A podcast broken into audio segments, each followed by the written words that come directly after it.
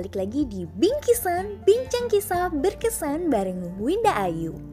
Balik lagi di episode selanjutnya yang semoga bisa membantu teman-teman mendapat sudut pandang baru dan berefleksi ria. Hmm, kali ini aku mau cerita nih tentang pengalaman aku yang belakangan ini sering banget ditanyain orang terkait gimana sih rasanya dan caranya pindah kerja di masa pandemi. Seru nggak sih? Hmm, asik ya? Hmm, jawabannya bisa iya, bisa juga enggak. Jadi tergantung nih pribadi masing-masing hmm, sudah merasa siap atau mungkin hmm, ada pertimbangan lain. Nah, di episode kali ini aku akan sharing nih terkait apa aja sih yang diperlukan teman-teman yang sedang kepikiran untuk mundur dari pekerjaannya dan berpindah ke company atau kegiatan lain yang dirasa lebih membantu kita untuk produktif di masa pandemi tentunya. Nah, apakah enak atau enggaknya? Nah, tergantung nanti teman-teman menangkapnya. Yang jelas, aku di sini membantu teman-teman untuk punya bekal nih sebelum kalian mengajukan resignation letter atau surat pengunduran diri. Sudah siap? Mari kita mulai. Pertama, kalau teman-teman sudah kepikiran untuk mundur dari posisi yang sekarang, teman-teman harus dalam posisi emosi yang stabil. Gak boleh tuh pindah saat emosi, desperate, atau kondisi yang buruk. Itu aturan yang pertama. Jadi, pertimbangkan secara rasional terkait persiapannya sudah cukup atau belum. Lalu ke mana kita akan pindah? Apa yang nanti akan kita lakukan? Lalu bagaimana sih dampaknya terhadap lini kehidupan kita yang lain, termasuk orang-orang di sekitar kita. Nah, yang kedua, pastikan teman-teman kalau mau keluar itu harus dalam keadaan yang baik. Boleh lagi pegang project yang bagus, boleh karena sudah merasa cukup belajar banyak, atau merasa pekerjaan yang sekarang sudah bisa didelegasikan dengan baik kepada teman-teman atau penggantinya. Dan teman-teman ini sudah punya bekal investasi yang siap. Entah itu investasi leher ke atas, modal ketika teman-teman ngerasa mau memulai usaha atau hal lain yang membuat teman-teman dalam tanda kutip siap menjual diri dengan bakat dan potensi yang baik tentunya untuk kebermanfaatan. Nah, dua poin itu tuh sangat penting dan akan lebih eh, baik lagi kalau teman-teman sudah benar-benar matang akan tujuan ke mana kalian akan pergi. Pastikan kalian move to somewhere that better for your career path or maybe business plan. Jadi harus benar-benar nih matang. Mau pindah ke company mana sih? Di posisi apa? Seperti apa background dan dampaknya nanti buat teman-teman? Dan apakah ini membantu kalian untuk bisa menggapai goals besar di hidup kalian? Hmm, pastikan semua hal yang ada di dalam sana bisa membantu teman-teman untuk mengakselerasi kali, karir dan kapabilitas teman-teman di bidang yang kalian mau tuju. Kalaupun memang akhirnya harus berpindah bidang, pastikan bidang itu juga bisa membantu tumbuh kembang belajarnya teman-teman, memperkaya pengetahuan dan pengalaman supaya lebih matang lagi dan siap menjadi seorang leader yang baik, seorang pekerja yang baik, dan bisa menghasilkan produk-produk dan legacy yang bisa bermanfaat oleh orang banyak. Bermanfaat untuk orang banyak maksudnya. Dan diingat kebaikannya di setiap tempat kita melangkah.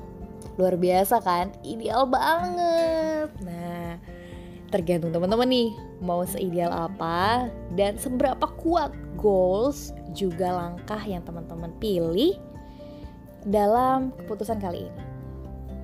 Nah, kalau kembali ditanya, keren gak sih pindah kerja di masa pandemi?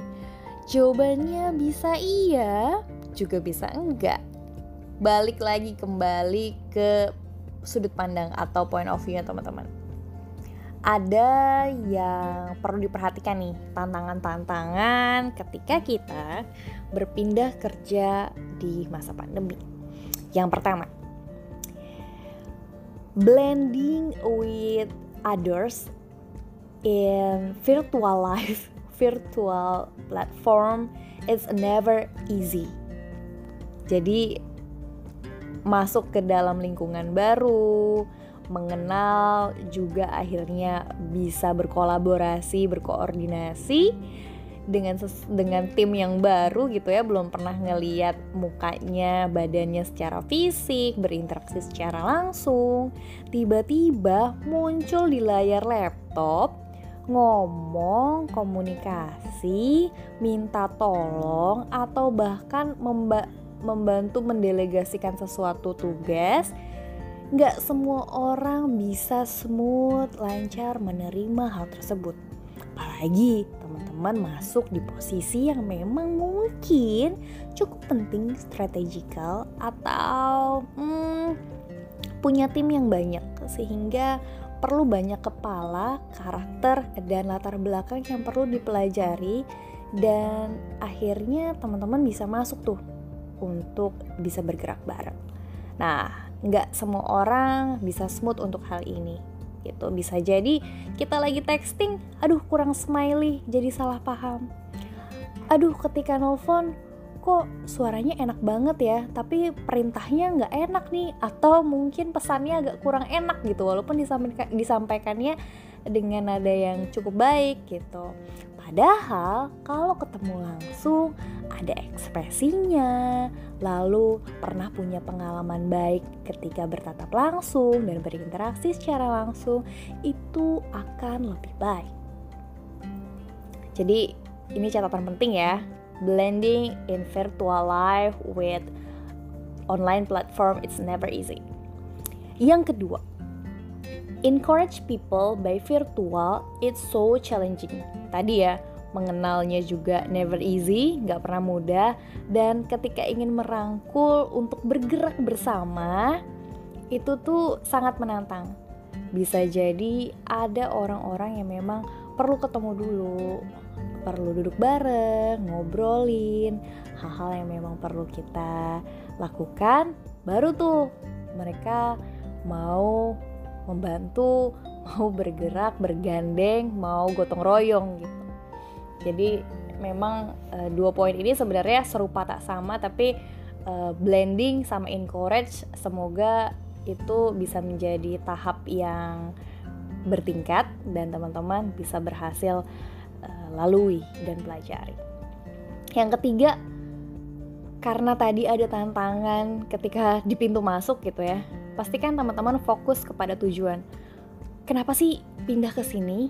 Mau melakukan apa? Tujuan uh, goalsnya project kali ini apa sehingga apa pun tantangan di pintu masuk tidak menggoyahkan langkah teman-teman untuk berkreasi, untuk berproduktif bersama sesuai deal di awal assignment gitu ya. Jadi kayak oh, bos besar mintanya kita melakukan uh, eh, ABC kepada D gitu kan.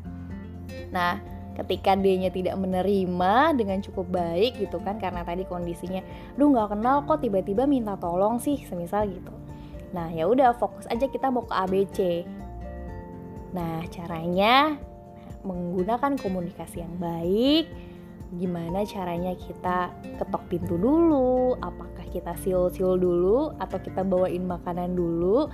Atau kita dengerin dulu kalau kesahnya? Barangkali biasanya kan ada orang-orang yang kalau didengerin dulu dipuji dulu baru dia bisa mau nih nerima uh, obrolan kita atau mungkin permintaan tolong kita saat di awal-awal. Nah, pastikan teman-teman fokus ke tujuan sehingga mau itu lewat uh, jalur muter dulu, mau mundur dulu, mau bel mau lewat pintu samping gitu.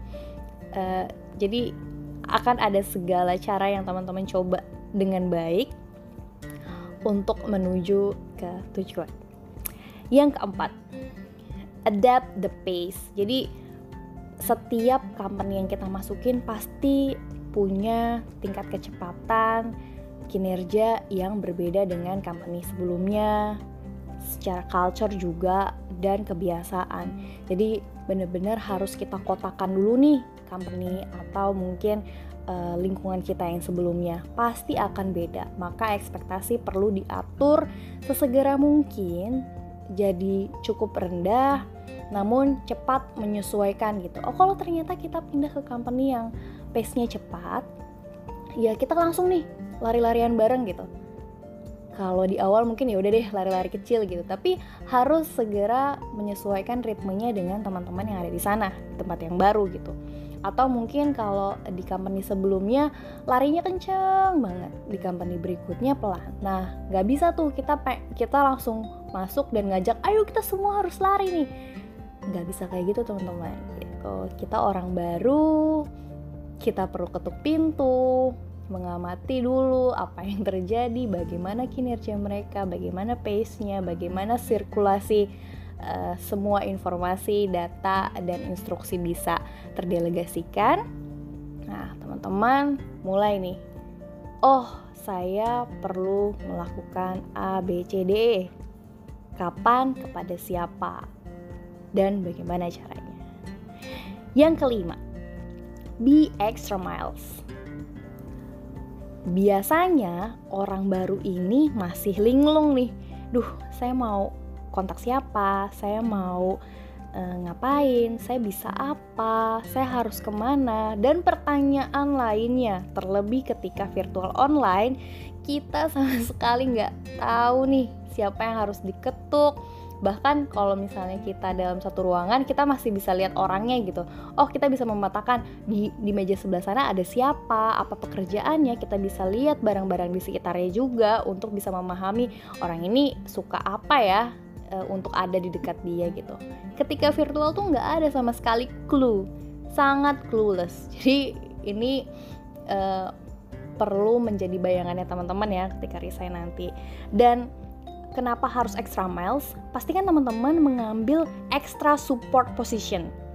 Jadi kalau ada kesempatan misalnya nih uh, kumpul bareng atau mungkin acara silaturahmi online gitu. Nah, kalau ada kesempatan teman-teman bisa jadi hmm, clickers presentasi atau penyedia lagu atau desainer poster acara atau apa pun hal yang terkecil yang teman-teman bisa support ambil kesempatan itu untuk bisa kenalan dengan tim kecil di sana. Bisa menjadi bagian yang bisa membantu teman-teman di sana. Jadi uh, pastikan teman-teman muncul tipis-tipis pelan-pelan memajangkan wajahnya di mana-mana walaupun hanya part terkecil menurut teman-teman ya. Jadi pastikan teman-teman nyelip di mana-mana gitu dengan konteks yang positif ya, membantu bukan eh, nyari muka dengan bikin skandal atau hal-hal yang sifatnya mereduksi eh, personanya teman-teman gitu.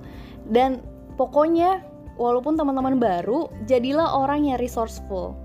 Datang membawa ide yang baru, solusi yang baru, sangat baik, memberi kesan yang sangat positif di first impression uh, ketika kita bergabung secara virtual, lagi-lagi virtual. Dan nggak semua orang paham dengan muka di balik layar itu jadi kalau di awal nggak apa-apa deh sering senyum senyum senyum gitu. Tapi nanti kalau misalnya pas offline ketemu lagi suntuk dikit ya udahlah ya gitu. Tapi ketika kita virtual belum ngelihat fisik kita ya udah pasang aja wajah cantik dulu manis ceria supporting uh, menjadi orang yang ingin mereka lihat dulu untuk sementara.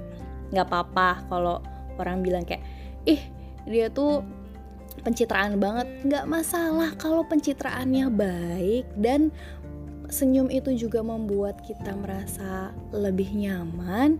Kenapa harus diberikan label yang jelek gitu? Jadi positif thinking aja gitu.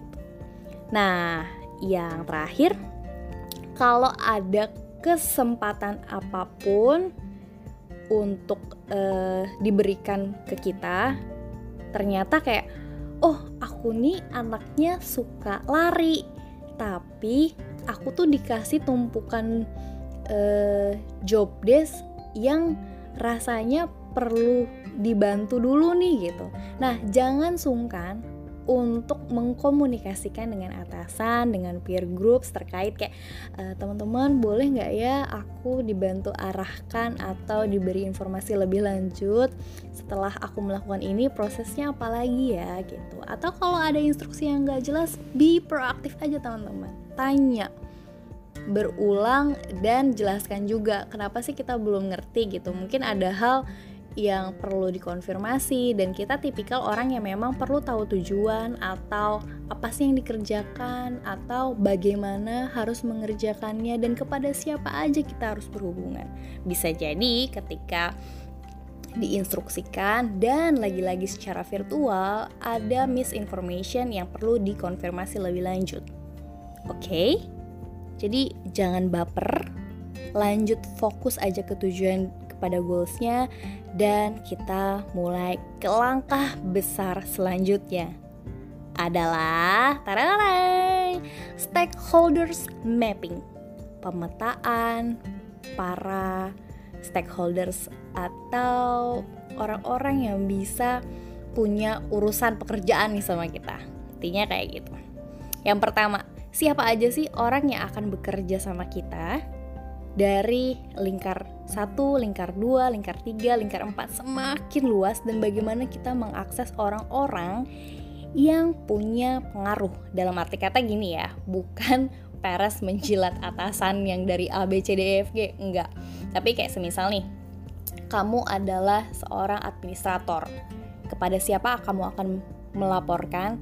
Dan sebelum kamu bekerja kamu itu harus mendapat dari data uh, departemen mana siapa yang in charge di sana.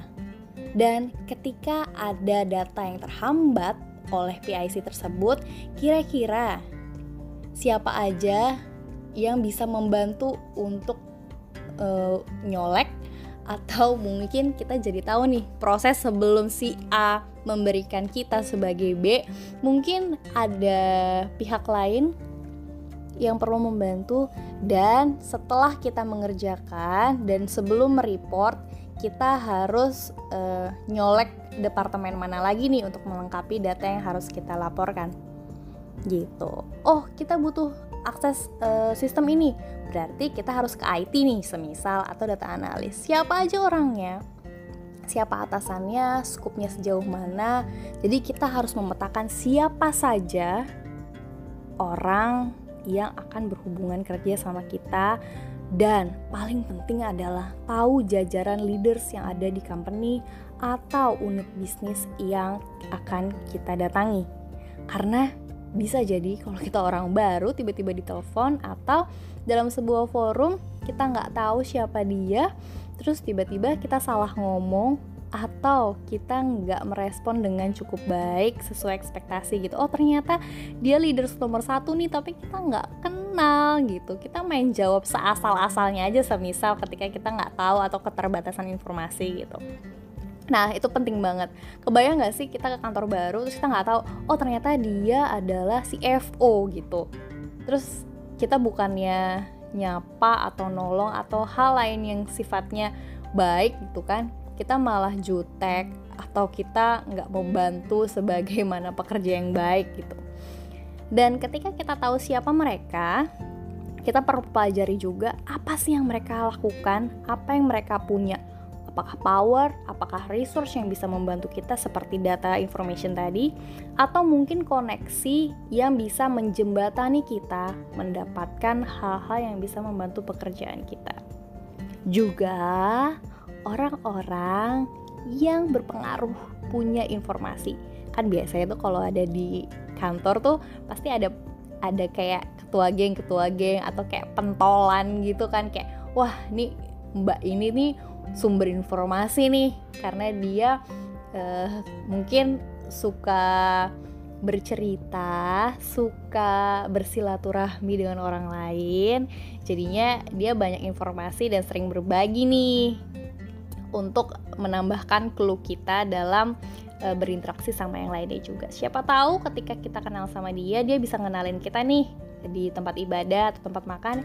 Eh kenal ini ada orang baru. Siapa namanya? Seperti apa orangnya? Nah, ini penting banget nih. Uh, walaupun dia tidak punya power secara langsung, secara struktural, tapi secara horizontal dia akan membantu kita untuk bisa dapat informasi dan dekat masuk kepada lingkungan yang baru itu nggak kepikiran mungkin ya di awal. Tapi ini cukup penting. Dan lagi-lagi secara virtual ini uh, penting banget membangun uh, apa ya solidaritas atau engagement secara online. Dan memang PR-nya secara online itu adalah kalau kita nggak bisa dekat secara fisik minimal intensitas kita yang akhirnya lebih dalam, membantu lebih banyak, effortnya lebih banyak lah. Terus ketika kita udah tahu siapa mereka, apa yang mereka punya dan kerjakan, nah langsung apa nih yang bisa kita bantu buat mereka ya untuk bisa uh, mereka juga ngebantu kita dalam pekerjaan gitu. Jadi fokusnya ketika kenal langsung pemetaan aku bisa bantu apa buat mereka gitu. Supaya mereka juga bantu bukan sebaliknya oh mereka punya ini oke deh aku ambil uh, kesempatan ini untuk minta tolong untuk ambil ini dan memanfaatkan gitu. No no no no no sebelum melakukan itu berikan dulu hal yang bisa kita lakukan ke mereka. Berikan mereka keuntungan dulu ketika mereka kenal kita jangan langsung ambil aja tuh kesempatan gitu kan. Tentang anak baru apalagi anak baru secara virtual. Mau minta tolong mau minta ini mau minta itu rasanya tuh akan lebih menantang gitu kan. Tadi kan karena memang e, dari sisi perkenalan dan blendingnya cukup menantang di awal gitu. Nah ketika kita udah uh, tahu nih pemetaannya siapa dia, apa yang mereka punya, apa yang mereka kerjakan, apa yang bisa kita bantu. Nah, bawa deh tipis-tipis suggestion, ide baru, uh, pandangan baru dari pengalaman kita secara baik, humble, manis gitu. Wah lucu banget ya ada kuisnya. Mungkin kalau kita bikin kuisnya pakai games lebih seru deh uh, boleh aku bantuin nih bikin gamesnya atau uh, kirim link kuisnya gitu. Atau mungkin kalau kita pengen bikin poster ya aku bisa bantuin edit nih gitu. Kayak kalau diedit dengan seperti ini tambahan informasinya lebih kece dan membantu deh. Jadi hal-hal yang memang secara manis bisa membantu tipis-tipis. Jadi orang bisa ngerasain kita punya manfaat dan impact nih ketika kita uh, bisa menerima dia yang baru. Gitu. Nah uh, yang terakhir banget di mana pun kalian berada mau jadi orang lama mau jadi orang baru ini sebuah hal yang penting tapi selalu dilupakan sebagai seorang pembelajar yaitu be proaktif and interaktif jadi harus teman-teman yang uh, semangat nih untuk mencari informasi, data, berkenalan langsung, inisiatif, dan pokoknya kalau ada hal yang memang diperlukan utarakan. Baik-baik di momen yang tepat kepada orang yang tepat juga. Dan uh, ini tips tambahan sih. Uh, bring spotlight not get spotlight. Bisa ditangkap nggak ya kalimatnya?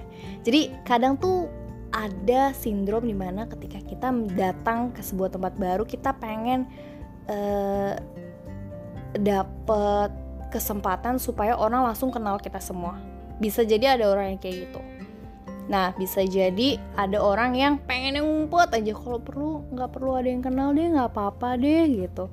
Nah, jangan sampai teman-teman uh, apa ya berpikir bahwa menjadi orang yang baru itu pasti diperhatikan. Yang harus teman-teman lakukan adalah justru apa yo? Menjadi orang yang memberikan spotlight atau dukungan ke orang-orang yang memang bisa membantu teman-teman berakselerasi di tempat yang baru. Misalnya, wah, atasan kita lagi uh, di depan panggung nih, lagi ada acara gitu. Nah, pastikan teman-teman aktif ikut bertanya atau membantu dengan porsi yang lebih banyak. Pokoknya jadi asisten sehari tiba-tiba juga nggak apa-apa Pokoknya tawarkan informasi gimana supaya atasan atau orang yang sedang kita bantu itu e, mendapatkan panggung, mendapatkan bantuan, pujian yang memang dengan cara yang baik. Pokoknya kita bantuin deh jadi tangga buat dia bisa uh, mampu punya kapasitas dan dapat respon positif dari banyak orang lain. Gitu. Jarang-jarang nih ada ide untuk bisa jadi supporter dan uh, bring spotlight for others karena pasti kita suatu hari juga akan punya spotlight kita sendiri tapi pastikan itu kita dapatkan dengan cara yang baik yaitu menjadi supporter dulu teman-teman ambil part-part yang kecil tapi bisa bermanfaat tipis-tipis dan selalu jadi orang yang berinisiatif tinggi dalam hal yang baik karena bermanfaat bukan hanya baik untuk orang lain tapi juga diri kita sendiri. Gimana? Tipsnya panjang kan? Jadi kalau ditanya apakah pindah kerja di masa pandemi merupakan pilihan yang baik? Bisa iya, bisa enggak. Bisa iya kalau kamu tadi punya persiapan yang matang, bahkan ketika masuk pun kamu sudah bersiap dengan segala strategi yang baik tadi. Tapi kalau misalnya enggak, apalagi kamu sedang dalam kondisi yang emosi, belum cukup bekal dan tidak punya strategi ketika masuk, oh, Faila, baiknya kalian tidur saja, tenangkan diri, ambil cuti, relaksasi, dan bobo. Lalu besok memikirkan lagi apakah keputusan tidak jadi resign ini hal yang tepat? atau berarti ada yang perlu diberesin dulu di sana. Yuhu, itu pilihan kalian. Tapi yang jelas aku sangat bahagia untuk pindah kerja di masa pandemi. Menjadi sebuah pelajaran yang sangat menyenangkan, menantang, tapi juga mendewasakan. Ada banyak hal yang aku pelajari dalam hal mendewasakan diri dan juga berinteraksi secara online dengan tim yang baru. Seru banget karena akhirnya makin menemukan jalan karir yang semakin dekat dalam kebermanfaat yang lebih banyak. Itu aja cerita aku. Semoga bermanfaat dan bisa membantu teman-teman yang sedang berproses. Yuhu, jangan lupa saksikan eh dengarkan episode selanjutnya tetap di Bingkisan Bincang Kisah Berkesan bareng Winda Ayu. Dadah!